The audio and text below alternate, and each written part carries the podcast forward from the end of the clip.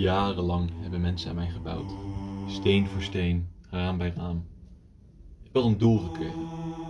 Iets wat ik ook altijd in ere wilde houden. Maar zoals mensen ouder worden, worden mijn stenen dat ook. En zoals bij elk mens vanaf een bepaalde leeftijd geldt, begonnen mijn grijze haren ook door het bolle heen te groeien.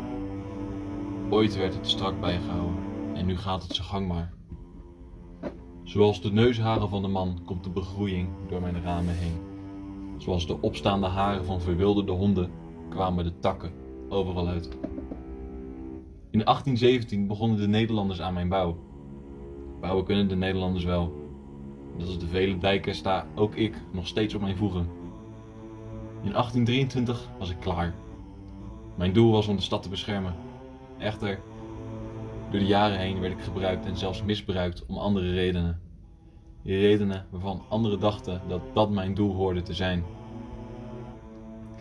Ik heb van alles gezien.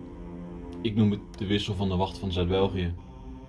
Onder andere de Nederlanders, Duitsers, Amerikanen en de Belgen zelf hebben mijn revue gepasseerd. Maar buiten dat ook nog vele gevangenen en patiënten van nationaliteiten die ik, mij die ik niet kon ontdekken. In 1823 stond ik daar in mijn volle glorie. Ik diende als een sterk fort. Onnodig, dachten mensen uiteindelijk. Omwonenden wilden me weg hebben, wilden me gesloopt en gedood hebben. Mede daardoor werd ik in 1891 enkel nog maar gebruikt als kazerne. Het ging zo door tot 1914. Tijden waren veranderd en ik mocht, relatief gezien, al bijna 100 kaarsjes uitblazen voor mijn eerste gelegde steen. Maar in 1914 hadden de Duitsers een ander plan voor me. Ik werd gebruikt als gevangenis. Gevangenis voor alles wat de Duitsers niet vonden passen in het ras waar zij naar streefden. De honderdste verjaardag van mijn eerste steen was niet zo feestelijk als ik had gewild. Maar ik had hoop. Ik bedoel, in 1923 zou het toch wel voorbij zijn. Dan kan ik wel vieren dat ik al 100 jaar in mijn geheel sta. En dat was zo. Want in 1918 was de Grote Oorlog voorbij. 1923, ja, dat werd mijn jaar. Ik was weer een trotse kazerne. Weliswaar met een historie. Ongeveer 48 mensen waren er in mij vermoord en begraven. Ik wist toen nog niet dat dit in 1940 weer exact zou gebeuren. De geschiedenis herhaalt zich. En het dode aantal steeg dan ook. Maar in 1944 was het weer voorbij. Twee keer vier jaar drama. Maar van 1944 tot 1945 werd ik voor iets beters gebruikt. Voor het helpen van mensen als een ziekenboeg door de Amerikanen. Vergeleken met zoveel mooie jaren, met zekere jaren, vielen die negen jaar somberheid dan ook eigenlijk nog wel mee. Na de oorlog werd ik licht uitgebreid door de Belgen. En ik werd nog als kazerne gebruikt tot het Belgische leger zich langzamerhand steeds meer terugtrok. In 1988 sloot de laatste soldaat mijn deur. Ook al kreeg ik in 1989 een beschermde status, mijn staat verslechterde wel.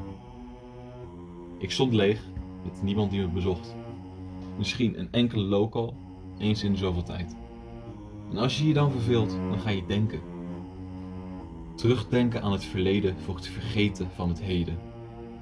Terugdenken aan al het mineur wat er heeft plaatsgevonden. Al de horror. De oorlogen hebben me meer pijn gedaan en meer effect op me gehad dan dat ik had gedacht. In de toekomst had ik niet. De meeste normale mensen die waren bang om naar mij toe te komen, wetende wat er in mij is gebeurd. Tot de wereld een nieuwe hobby leerde kennen. Urban exploration. Ik kwam weer terecht in verhalen. Er werd weer over mij verteld alsof ik er toe doe. En ik had dan wel geen doel meer. Ik had wel status. Niet enkel de beschermde status, maar iets waardoor mensen weer op me toekeken. Langzaam maar zeker kwamen er steeds meer mensen naar me toe. En het waren geen oorlogszoekers of jonge militairen. Het waren soms kunstenaars met hun graffiti tekeningen. En soms onwijze amateurs waarvan ik heb getwijfeld of ik een steen van me had moeten laten vallen op hun hoofd, zodat ze mij niet zo zouden plakladderen. Het waren soms nieuwsgierige heren en dames, camera's die mijn verhaal horen wilden vertellen en mijn trots, mijn leed wilden delen met de hele wereld. En soms onwijze idioten die mijn staat echt alleen maar bewust verslechterden. Voor mij, als Fort de la Chartreuse, was dit een onwijze bijzondere ervaring. Het leek weer alsof ik een toekomst had. En dat is zo. Ben de 200 gepasseerd. Het is 2020 dat ik eens mijn verhaal kan doen. Ik ben een gevestigde locatie voor veel hobbyisten. Een locatie met geschiedenis en een bepaalde trots. Ik doe er nog steeds toe. Wie of wat boven de 200 kan dat nou nog zeggen?